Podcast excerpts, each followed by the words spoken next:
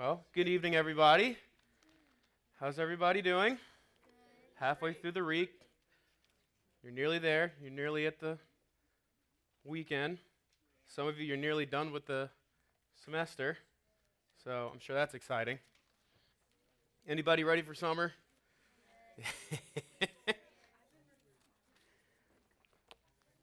I get it. I'm, I'm definitely ready for summer. I got a week left, and it can be quite exhausting, so I get it because I definitely love rest. I definitely love being able to relax. So it's, it's definitely exciting time. So I want to start with a question. I want to ask you guys this. I want to get a little feedback from you guys. Just a simple question What is something that you truly love?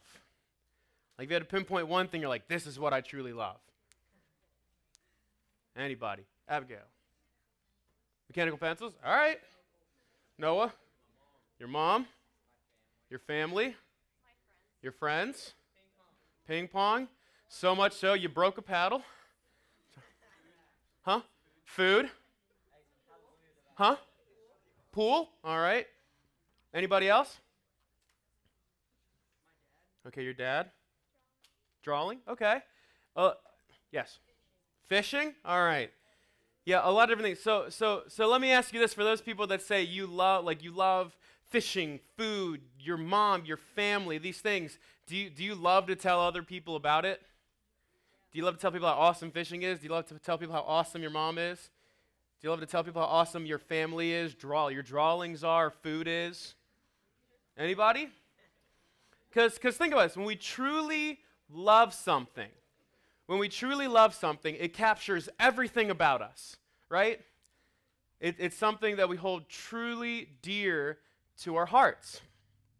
I mean, for example, things I love. I love Chick fil A. I love sports. You know, particularly my sports teams. They don't do too well a whole lot, but when they are, it's great. I love, I love my school, Liberty, I just graduated from. I love my fiance, Rebecca. But, but, but ultimately, I, I, I think we, we use this word love, we toss it around a lot, but I don't know if we truly grasp what love really is. And, and something we're going to look at tonight is what, is what love truly is because these objects that we talk about, whether it be our family, whether it be food, friends, all these things, wonderful things, but we have to ask ourselves is this something that we are putting before God? Because ultimately, it's not supposed to be a source of love, it's supposed to re- be a resource that we outpour the love of God to. Because ultimately, our, our, greatest love should be for God, and then that should lead to love for our neighbor. In fact, the main point of the message tonight I want you to get is this is that love for God and love for neighbor is found only through faith in King Jesus. Is that love for God and love for neighbor is found only through faith in King Jesus. Because here's the thing we, as fallen, sinful human beings, are prone to want to love ourselves and serve ourselves and look out for our own best interests instead of loving our neighbors and desiring after what God desires and loving our neighbors. To, to quote Terrell Owens, I love me some me. That's, that's how all of us are born. That's, that is our natural bent, is we love ourselves. And so, in turn, we want to serve ourselves and what's best for us. So, the only way we can truly love God, the only way we can truly love our neighbors is help from God. Because our natural bent is towards loving ourselves. So, we need something supernatural to transform our natural state when we're born. And so that's what we're going to look at tonight. We're going to be looking at just how we need to love the Lord our God with everything that we have. So if you have your copy of God's Word, we're in Matthew chapter 22. And we're continuing the series called All Authority. If you're new with us tonight, what we've been doing is we've been going through the book of Matthew, and we've been looking at how Jesus has all authority over all of creation. And so we've been looking at different aspects of how Jesus has all authority over blank. And so tonight we're going to be looking at how Jesus has all authority to give the greatest commandment. So we're in Matthew chapter 22, and we're going to be looking at verses 34 through 40. Again, Matthew chapter 22, verses 34 through 40. And this is the word of the Lord.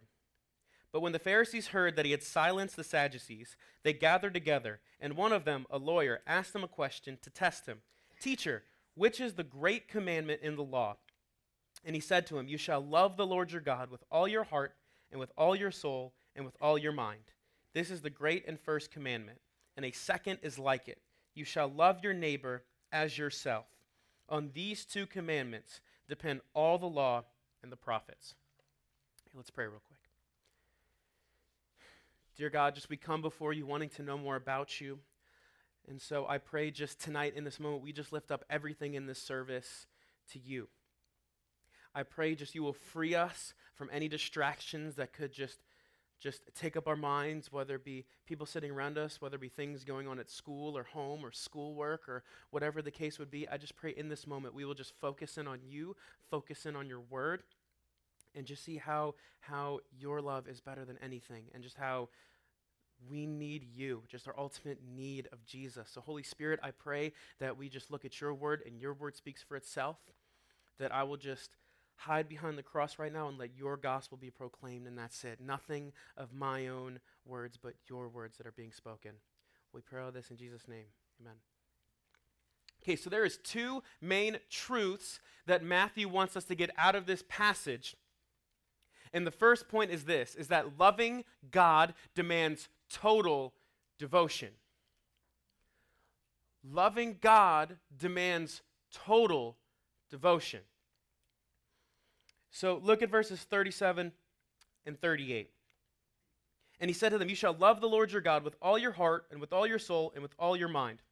This is the great and first commandment. And so, this, this part about commandment, to give a little background, is this is the third question that Jesus has answered from the Pharisees and Sadducees that same day.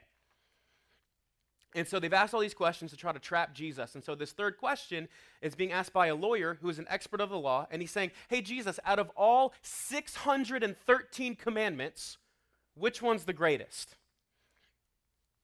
And so it's really important Jesus' response in this. And so if, if you look verse 37, like I said, it says, You shall love the Lord your God with all of your heart, soul, mind, and strength. In fact, I love, I love Mark's account of this because he goes a little further where he says, Hear, O Israel, the Lord our God, the Lord is one. And you shall love the Lord your God with all of your heart, soul, mind, and strength. And, and the importance of this is, is the whole thing of the Lord is one, and you shall love the Lord your God with all your heart, soul, mind, strength, is what he's quoting is Deuteronomy 6, 4 through 5. And, and, and in Orthodox Jews, that would be called the Shema. So, what that is, that's something that they would recite to themselves daily. So, Orthodox Jews, including the Pharisees and Sadducees, would know what Jesus is talking about because he's quoting the Shema, something that Orthodox Jews, again, would recite to themselves daily. And so, what's critical about this is, is that the Pharisees knew this, but they wouldn't apply this to their life. They had a lot of head knowledge, but wouldn't apply that knowledge to their life. Their heads were filled with knowledge, but their hearts were empty and cold of love. This lawyer was an expert of the law, but missed the whole point of the law, which was Jesus, who's standing in front of him answering his question about the law. So, like I said, whole lot of head knowledge, but very little application and very little love for the law. So let me ask you this Do you have a lot of head knowledge about Jesus and the Bible, but not a whole lot of application to your life? Are the verses you post on your social media and stick in your bios, are they truly something you live by? Or are they just for show? Does the life you live match up with the knowledge in your head? Because as followers of Christ, as it says in James 1:22, we are not supposed to be just hearers of the word, but doers of the word. Because all obedience to all of his commandments is obeying this one command, as he said, and that's to love the Lord your God with all of your heart, soul, mind, and strength. So the only way we can truly love God with our heart, soul, mind, and strength, it hinges upon one word, and that's the word love. You shall love the Lord your God. So before we can ever know how to love God with all of our heart, soul, mind, strength, everything, we need to know what love truly is, and here is what love is. It's affectionate reverence and it's, it's prompt obedience. It's actively doing what the Lord prefers with Him by His power and direction. Because again, our hearts are naturally bent towards wanting to love ourselves and serve ourselves. So the only way we can truly love God is if God transforms us. The only way we can truly love God, we cannot start loving God until we are at peace with God. Because, like I said, we are born with a sinful nature that's in rebellion against God. We're children of wrath when we are born.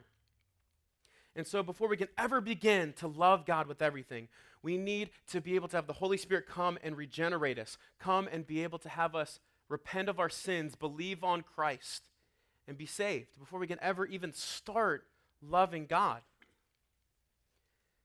Because here's the beautiful thing we see how God loved us before we ever became saved. He loved us while we were still sinners. 1 John 4:19 says this that he loved we loved because he first loved us. Or in Romans 5:8 that while we were still sinners, Jesus loved us.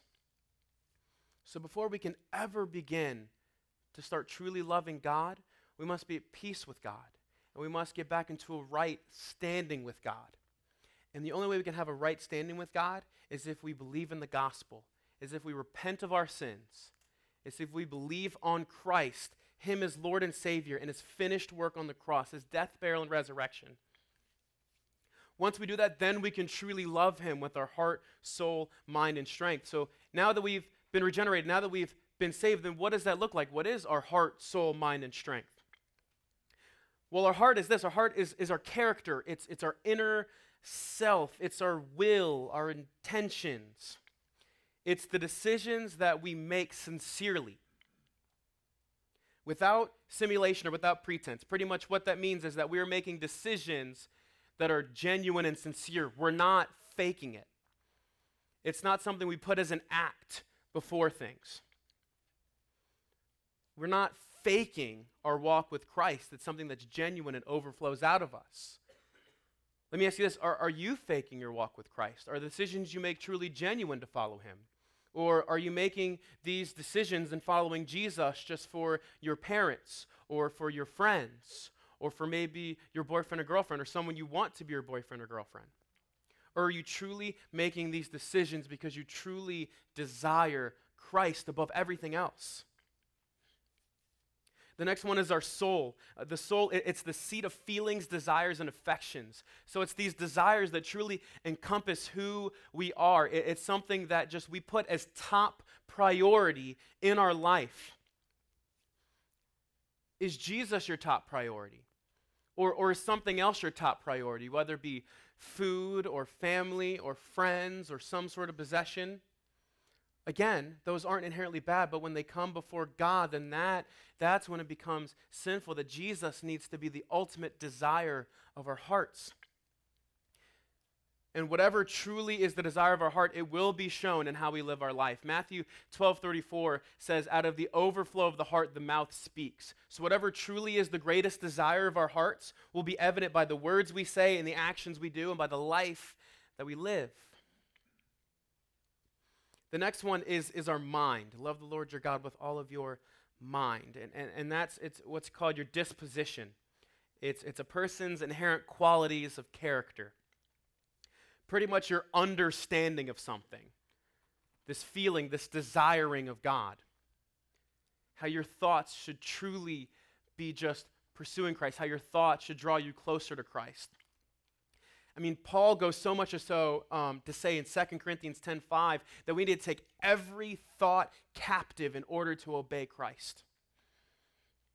And lastly is strength. And, and strength isn't in this one. It's, it's in Mark's account in Mark 12, 30, where it says, Love the Lord your God with all of your strength at the end. And what strength is, it's to the extent of one's ability. So your abilities, your talents, your gifts that you have, that all of those, we should be using those in order to truly love God.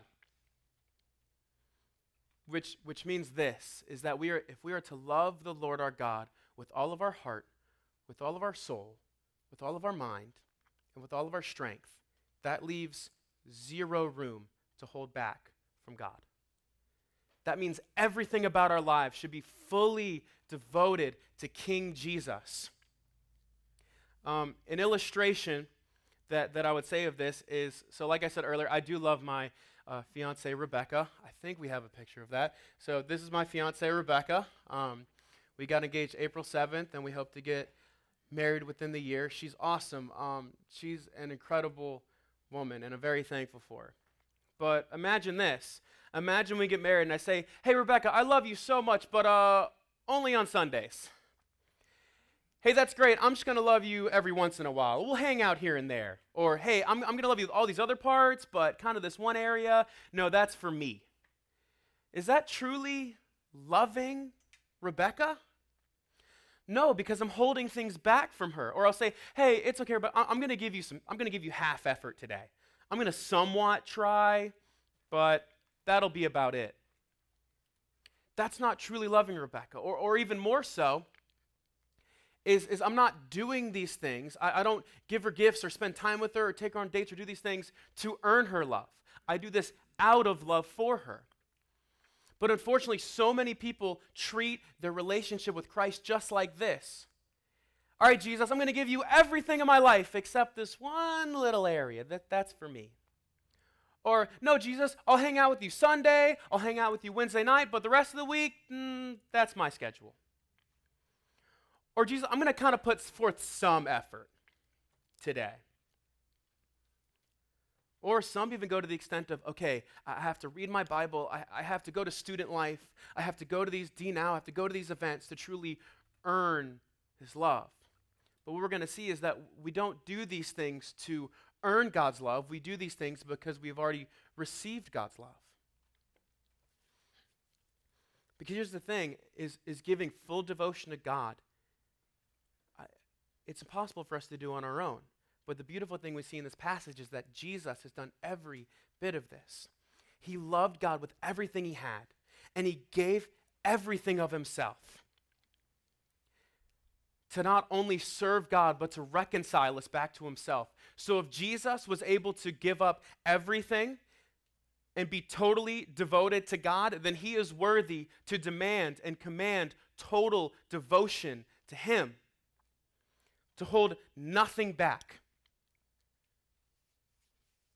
Because when Jesus does this, then he truly transforms us to love him. And, and the other beautiful thing is that Jesus is commanding us something that he has already done. And so, if he's already done this and he commands us to do this, that means he's going to give us everything we need in order to truly love God. Because here's the thing is, is that in loving God with all of our heart, soul, mind, and strength, love is the basis for obedience. Because where there is love, there is obedience. So, what that means is first we have to place our faith in Christ. Once we place our faith in Christ, then we enter into a right standing with God, which means now we are living for Him, which means we're putting off the old self and putting on the new self in Christ. We're denying a little more of ourselves, our desires, our sinful wants, and we're desiring more and trying to live out more of the desires that God has for us. And when we do that, we will truly obey God and all of his commandments that he gives us.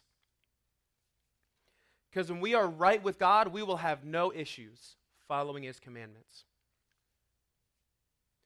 Because we're not doing these things to receive salvation. We're, we're doing these things because we already have received salvation. We already have experienced the love of Christ. So we're doing these things out of love for Him. Because here's the thing if we're not truly obeying out of love, then we have missed the whole point. We, we could obey all 613 commandments. First of all, it's impossible for us to do that. But let's say we did. If love wasn't the basis for obedience to it, then we have missed the entire point of it. I mean, 1 Corinthians 13, 1 through 3 perfectly describes this, where it's saying, hey, you could speak with angelic tongues and languages, but if you don't love, then you're just a noisy gong, a clanging cymbal. You could have so much faith that it can remove mountains, but if you don't love, then we gain nothing. We could give everything we own to the poor, do all of that, but if it's not out of love, we don't, love, don't do it out of love, and it's not for love, then we're nothing. We gain nothing out of it. Love is to be the basis for all obedience. That's why Jesus obeyed God out of love for the Father. That's why we do these things as followers of Christ, because of love for Jesus who has saved us and reconciled us back to himself. That we're, we're no longer slaves to sin, but we are children of God. We're no longer in the kingdom of darkness, but in the kingdom of light. And we do these things to honor our Savior, not to gain credit or, or to earn salvation with our Savior. So once we've been reconciled to God, and now we have a right standing with God, and we can truly love Him with all of our heart, our soul, our mind, our strength. Once now that we truly love God with everything, then we'll be able to do the second main point of tonight, and that's this is love your neighbor as Christ has loved you. Look at verse 39 and 40 where it says, And a second is like it. You shall love your neighbor as yourself. On these two commandments depend all of the law and the prophets. So, the reason why it, it says in verse 39, and a second is like it, is because we cannot separate love from God from love for neighbor. Because to disobey one is to disobey the other. To not truly love others is to not truly love God. In, in fact, in James 2 1 and in James 2 8 through 10, it says we are to not show any sort of favoritism as followers of Christ. Because here's the thing when we start showing favoritism to others and we start loving others and holding back love from others, then what we are saying as followers of Christ is that God loves people, some people more than others. And that is not the gospel. That is the anti gospel. Because again, God has loved all of us, yet while we were still sinners, Christ died for us. So let me ask you this Do you purposely avoid people at school or work or church? Maybe because you think they're weird or just you think they'll cramp your style. Do you hang out with certain people because you feel like you can gain more out of them than others? Whether it be popularity, whether it be just just street cred with them. Or maybe you just think someone, let's say, is just less cool, they're weird, you don't agree with some of their views. Because here's what I want you to understand is that in verse 39, where it says, You shall love your neighbor as yourself. That same word, love, is the same word that Matthew sang in verse 37, where it says, You shall love the Lord your God with all of your heart, soul, mind, and strength. It has the same meaning, which means if we are to love our neighbor as ourselves, it's going to take the power of God to direct us, to guide us, and help us with doing this. It's impossible, it's impossible for us to truly love someone without truly understanding what love is. Just as Pastor Mark preached about this Sunday, we cannot truly serve someone until we know what service truly looks like. So it's okay, we, we need the power of God to be able to love our neighbor. Okay, then the next question is who is my neighbor? What, what does Matthew mean by our neighbor? And it means this it's any other man, irrespective of race or religion, with whom we live or whom we chance to meet. Basically, what that means, it does not matter who the person is. It does not matter what their walk of life is. It does not matter what their views are, their race, religion, nothing. It doesn't matter where they come from. We are to love everyone the same, just as Christ has loved us. We are not to hold anything against someone or hold any sort of prejudice against someone else, but instead see them as Christ sees them someone that is made in the same image of God as we are. Someone that Jesus died for just as much as he did us. Someone that needs the grace and mercy and forgiveness of Christ just as much as we do every single day. Imagine if Jesus treated us this way. Imagine if Jesus was just held everything against us at, at a first moment's notice. Because here's the beautiful thing Jesus knew everything about us past, present, future. He knew all of the sins that we were going to commit, all the times that we would deny Him, all the times that we would walk away from and come back. Yet Psalm 103:10 says He does not deal with us according to our sins. He deals with us uh, according to the righteousness in Christ. I, I want to give a little bit of a story to, to kind of encapture what I mean by loving our neighbor. So this past fall was, was my last semester at Liberty, and there was a gentleman that I was that was on this hall. He's a freshman, and he was he was named Mitchell. And something about Mitchell is that he dealt with he's dealt with severe depression and anxiety most of his life. I mean, he would hide out in his room a lot. He would go to bed early. He would he would kind of kind of avoid people. And I remember he reached out to me one day and he said, "Hey, can can I meet you in your room?" I'll never forget this when Mitchell's sitting down uh, on the couch in my room and he starts breaking down in front of me and, and he says, I've never felt like I've had a true friend. And, and I'll tell you what, that, that broke me and resonated with me.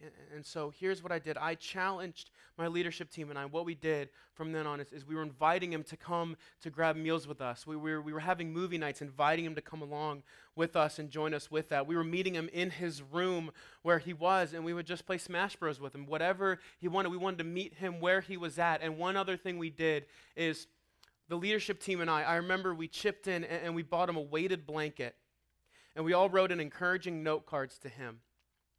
And we went into his room and we presented the weighted blanket and the encouraging note cards. And we all laid hands on him and prayed for him out loud. And when we said amen, I will never forget what he did next. He went up and he hugged every last single one of us. And when he got to me, he looked at me and he said, Brandon, I feel like I finally found true friends. And what made me think of that is that should be how it should be as us as followers of Christ. That should be the type of love that we're constantly exuding to other people. To quote Pastor Dhati Lewis, the church is not like a family, it is family. When unbelievers encounter us as followers of Christ, they should truly experience love like no other. When unbelievers encounter a Christian, they should experience the love of Jesus, Jesus, who is a friend of sinners. When people walk into the refuge, when people walk into this church, they should truly experience the love of Christ. Because we as Christians have experienced a love that is beyond measure, a love that we cannot explain. We love because Christ first loved us. A love that when people walk in, regardless of their background, regardless of things they've done, regardless of their views, regardless of, of just who they are or how society views them, we should love them as Christ has loved them. Here's what it means to love our neighbor we should not want to do anything that is harmful to them. We should always want to do good to them. We should mourn with them when they mourn. We should rejoice with them when they rejoice. We should lighten and carry their burdens. We should always try to reach out and to encourage them. We should be going to meet them where they're at, meeting them their turf, sitting with them, grabbing meals with them, interacting with them, regardless of what other people say about them. We should show the love of Christ to them regardless of their views. We should love people regardless of their race, their religion, or lack thereof, their political views, their background, because ultimately Jesus loves them and desires them to be reconciled back to God. And if we are to truly love them and serve God with everything that we have, then we will love and serve others with everything we have because we were once in their position. We were once far away from God. We were that one that leave the 99. Yet Jesus pursued us. I'm sure with us, there's plenty of, we could go around the room, there's plenty of stories that people that loved us even when we were unlovable. Times where it, it seemed like we were far away, yet people still pursued us. Because here's what we should do we should be serving others regardless of any of that. A, a beautiful picture of this is Philippians 2 3 through 4, where it says, Do nothing out of selfish conceit, but in humility consider others as more important than yourselves. Put their interests before, you are, before your own. I think a beautiful picture of this is, is it still strikes me this day of just love and service is, is in John chapter 13 where Jesus is washing his disciples' feet. And, and, I want you to get your picture of this. When, when these disciples are wearing sandals, they're, they're not wearing the newest Jordans, they're not wearing the nicest new shoe, they're wearing sandals, which means, I mean, they're kicking up any sort of dust and grime and anything that's on the ground. So their feet are probably hot and nasty and gross. Yet, Jesus, the Savior of our souls, the creator of everything, the king of the universe, the one that has all authority to command whatever he wants. He humbles himself. He wraps a towel around his waist and he fills a basin with water and he goes around and he washes every single last one of their feet, including Peter, who is going to deny him three times, and including Judas, who is going to betray him for 30 pieces of silver. That is unconditional love. That is the type of love that we need to be exuding to others and everyone around us, whether they come in here or whether it be at our schools, in our communities, at our workplaces. Jesus is the ultimate example of what it means to love our neighbor as ourselves. So look to Jesus. Pray for his help. Pray for his power. Pray for his guidance. Pray for his compassion for other people. We, we should be like Jesus in Matthew 9, 36 to 38, where Jesus looked upon the crowds and he felt compassion for them, for they were weary and worn like sheep without a shepherd. So many people in this world that are just desiring true love, that are desiring something authentic and us, as followers of Christ, should be the truest of friends in an age like this, regardless of people's backgrounds, that they know, hey, I can rely on that person because they've constantly loved me no matter what I'm going through, no matter what I am. Because here's the thing if we truly love God, if we're truly devoted to God with our entire lives, then we will love our neighbor. So let me say this. Maybe some of you in here, maybe you're not saved. Maybe you are an unbeliever. Maybe you're, you're far away from God. Maybe you've been chasing after worldly things that just leave you lonelier and emptier and just more cold. Maybe, maybe you just feel like you are just way too far gone. You're like, you're saying, okay, this is great. I, I, hear this love that you're talking about, but Jesus couldn't love someone like me. I am, I'm too far gone. I've, I've messed up too much. There's no way God could truly love me. And I'm here to tell you, no, that's not the case. That Jesus loves you. And Jesus, even knowing all that you would do, all of the sins that you would commit, he still died on the cross for you to say, This is how much I love you, that I will cast your sins as far as the east is from the west. That you can truly love God. You can truly come into a right standing with God no matter how many sins that your past holds. If you will repent of your sins and if you will believe on Jesus, if you believe in Him as Lord and Savior, believe in His finished work on the cross, then He is faithful to forgive. Maybe there's some of you in this room that you are a follower of Christ. And maybe you've been struggling with loving God with everything you have. Maybe you've been holding certain areas of your life back from Him. Or maybe feel like you've sinned too much to truly be forgiven by Him. Because be encouraged, the gospel is also for you. The gospel is not only what saved you, it's what sanctifies you. It's what we're constantly drawing back to. We're constantly running to the foot of the cross and crying out, I need Jesus every single day. Because I think a lot of times, us as Christians, yeah, yes, we'll, we'll get saved and we're excited, and then we start falling into sin again. We think, oh no, I got to clean myself up before I can go back to God. But the thing is, is that we were never clean to begin with. And Jesus still beckons us, saying, Here, come to me, all who are weary and burdened, and I will give you rest. So maybe you are a believer in this room and you've been struggling with surrendering everything to God. Maybe you have been falling more and more into sin. Here's what you can do if, if you will repent of your sins, He is faithful to forgive. He is faithful to bring you back to God and wrap His arms around you forgive you and love you and stand you upright to go out and to be able to continue to love others. Lastly, maybe there are some of you that, that are followers of Christ in this room, and I mean, you are pursuing Him, you are chasing after Him. I mean, you are on fire for God, and you are, you are loving Him with everything you are, and you're continually giving everything you have to Him.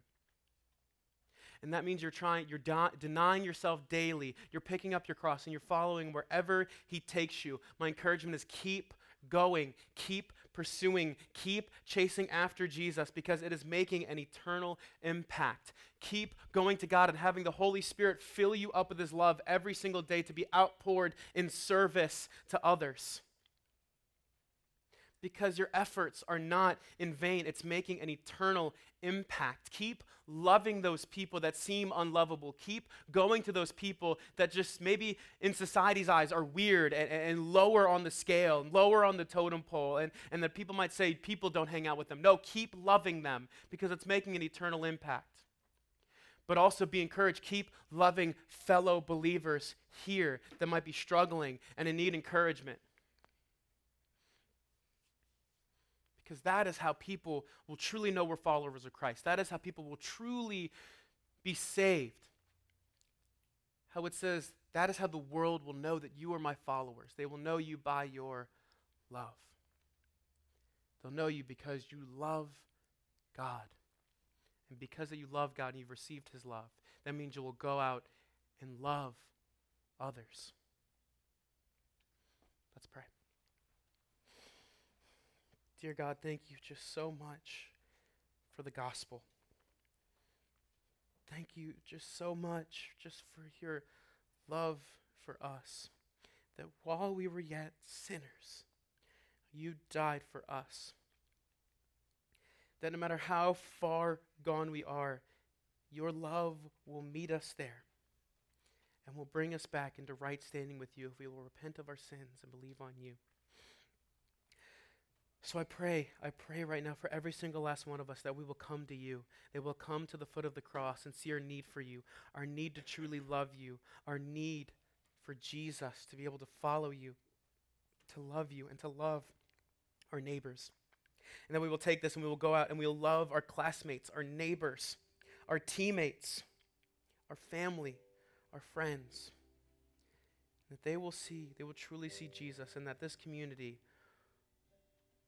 will know that Jesus is better than everything, that we will build our lives upon your love because it is a firm foundation. Pray all these things in Jesus' name.